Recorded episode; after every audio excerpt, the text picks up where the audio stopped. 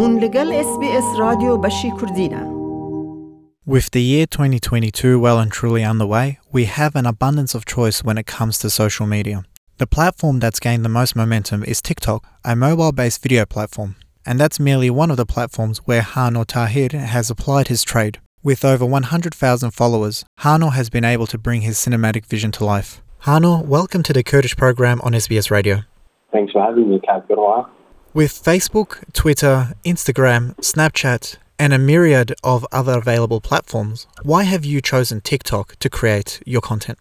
Well, I actually didn't choose TikTok. I create content and then I just machine gun it all over the internet. I'm on YouTube, I'm on Instagram, I'm also on TikTok. But because I think TikTok's a new platform, well, it is a new platform, but because they're newer, I feel like they, you know, organize their algorithm in a way, algorithm being like which posts, which videos get popular and which don't get popular. They've organized that in a way where new creators are rewarded for posting consistently, posting high quality content. And yeah, it just so happened that I my content quote unquote blew up there first. And how are you finding the differing algorithms between TikTok and YouTube, as you put it? YouTube is definitely much more difficult because it's first off it's longer content. You can't post something 10 seconds on YouTube, whereas on TikTok you can post something that's two seconds. And on YouTube, it, you have to be a producer. You have to produce a show. Like it has to have a beginning, middle, and ending. It can't just be a quick idea you come up with when you roll out of bed, film in 10 minutes, throw onto the platform. It has to be something you write, you script. Plus, it's horizontal, it's not vertical. Phones are vertical. That's way easier to film because of the limitations. Horizontal, you have the, the entire frame, 35 millimeters, as we call it, you know, full frame. So, yeah, it just requires much more effort by Benton. Hano, what sort of content can our listeners expect to see on your pages? Hmm. Well, the listeners can expect to see.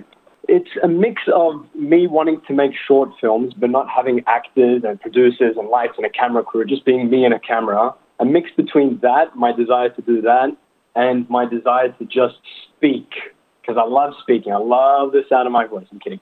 But just these questions that I have, it's a very unique way of answering a question I have, whether it's existential or personal or gastronomical or just whatever, whatever the spectrum. Then tell us a little bit about yourself. How did you get to where you are? And has cinema always been your passion? Uh, yeah, definitely has. But I've pretty much been all over the map. I worked as, I've had a, quite a few jobs with a pretty wide range of jobs actually. I was a roulette dealer. I was I worked at Coles. I worked in a I was a stylist. I had a clothing brand, but they all pretty much coagulated to become cinema in a way. Because what I really wanted to do was experience as much as I possibly could. I just wanted to go places, do things. I wanted to live as many perspectives as I possibly could. So you I realized eventually, well, you can do exactly that with cinema. You can write a script about whatever you want, film it wherever you want, for the most part, of course, if you have the money, of course. But write about whatever you want, film wherever, like designing a perspective, pretty much. And a lot of people want to know about these perspectives. You have over 100,000 followers on the TikTok platform, which can get a little daunting. Are these followers resonating with your content, or do you find yourself tailoring your films for the masses? Um, tailoring, absolutely not. Like, I once had a scare while I was having a shower. I was like, wait, what if I am tailoring? But then I got introspective. I looked at what I was making. I looked at what I was writing, and I was like, yeah, I like this. If I like this, that's enough. And it doesn't matter if I have 100,000 followers or 1,000 followers. I've always just been making exactly what I think I should be making, if that makes sense. Now, albeit wide reaching, you have certain limitations on TikTok and even YouTube, including technological features, exclusively online reach, and so far as time limits. Do you see yourself hmm. transitioning to the silver screen? And what can we expect to see from Hano in the future? Absolutely. Absolutely. I like the whole reason I even got on these platforms in the first place was because I wanted to create in public.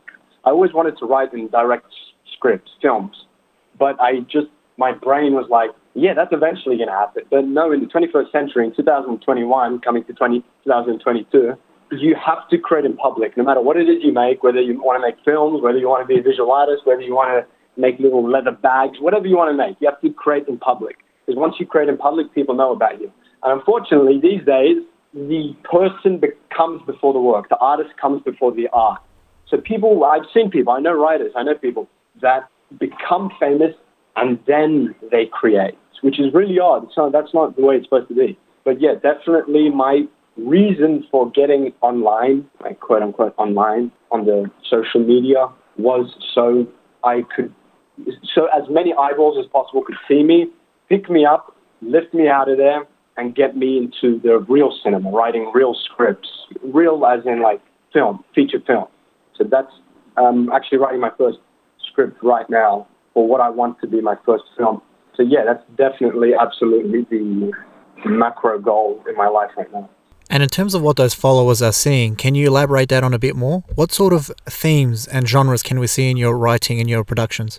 I like to package, at the risk of sounding pretentious, contemplative philosophical conversations, wrapping that in a narrative.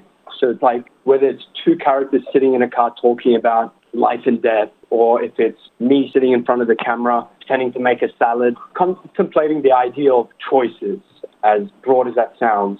It's having a conversation about philosophy, about existentialism, about existence, but wrapping it in a neat bow tie that is a video, that is a short film, if that makes sense. Makes perfect sense because the visual platform is a lot more easily digestible than the written platform. Speaking of which, what can we expect to see in the script that you're currently developing? In the script, it's pretty much, I'm trying to, I'm just doing my best to be as potently myself as I possibly can be. What that means, good or bad, I don't know. Whether it's good, whether it's bad, at least it's true.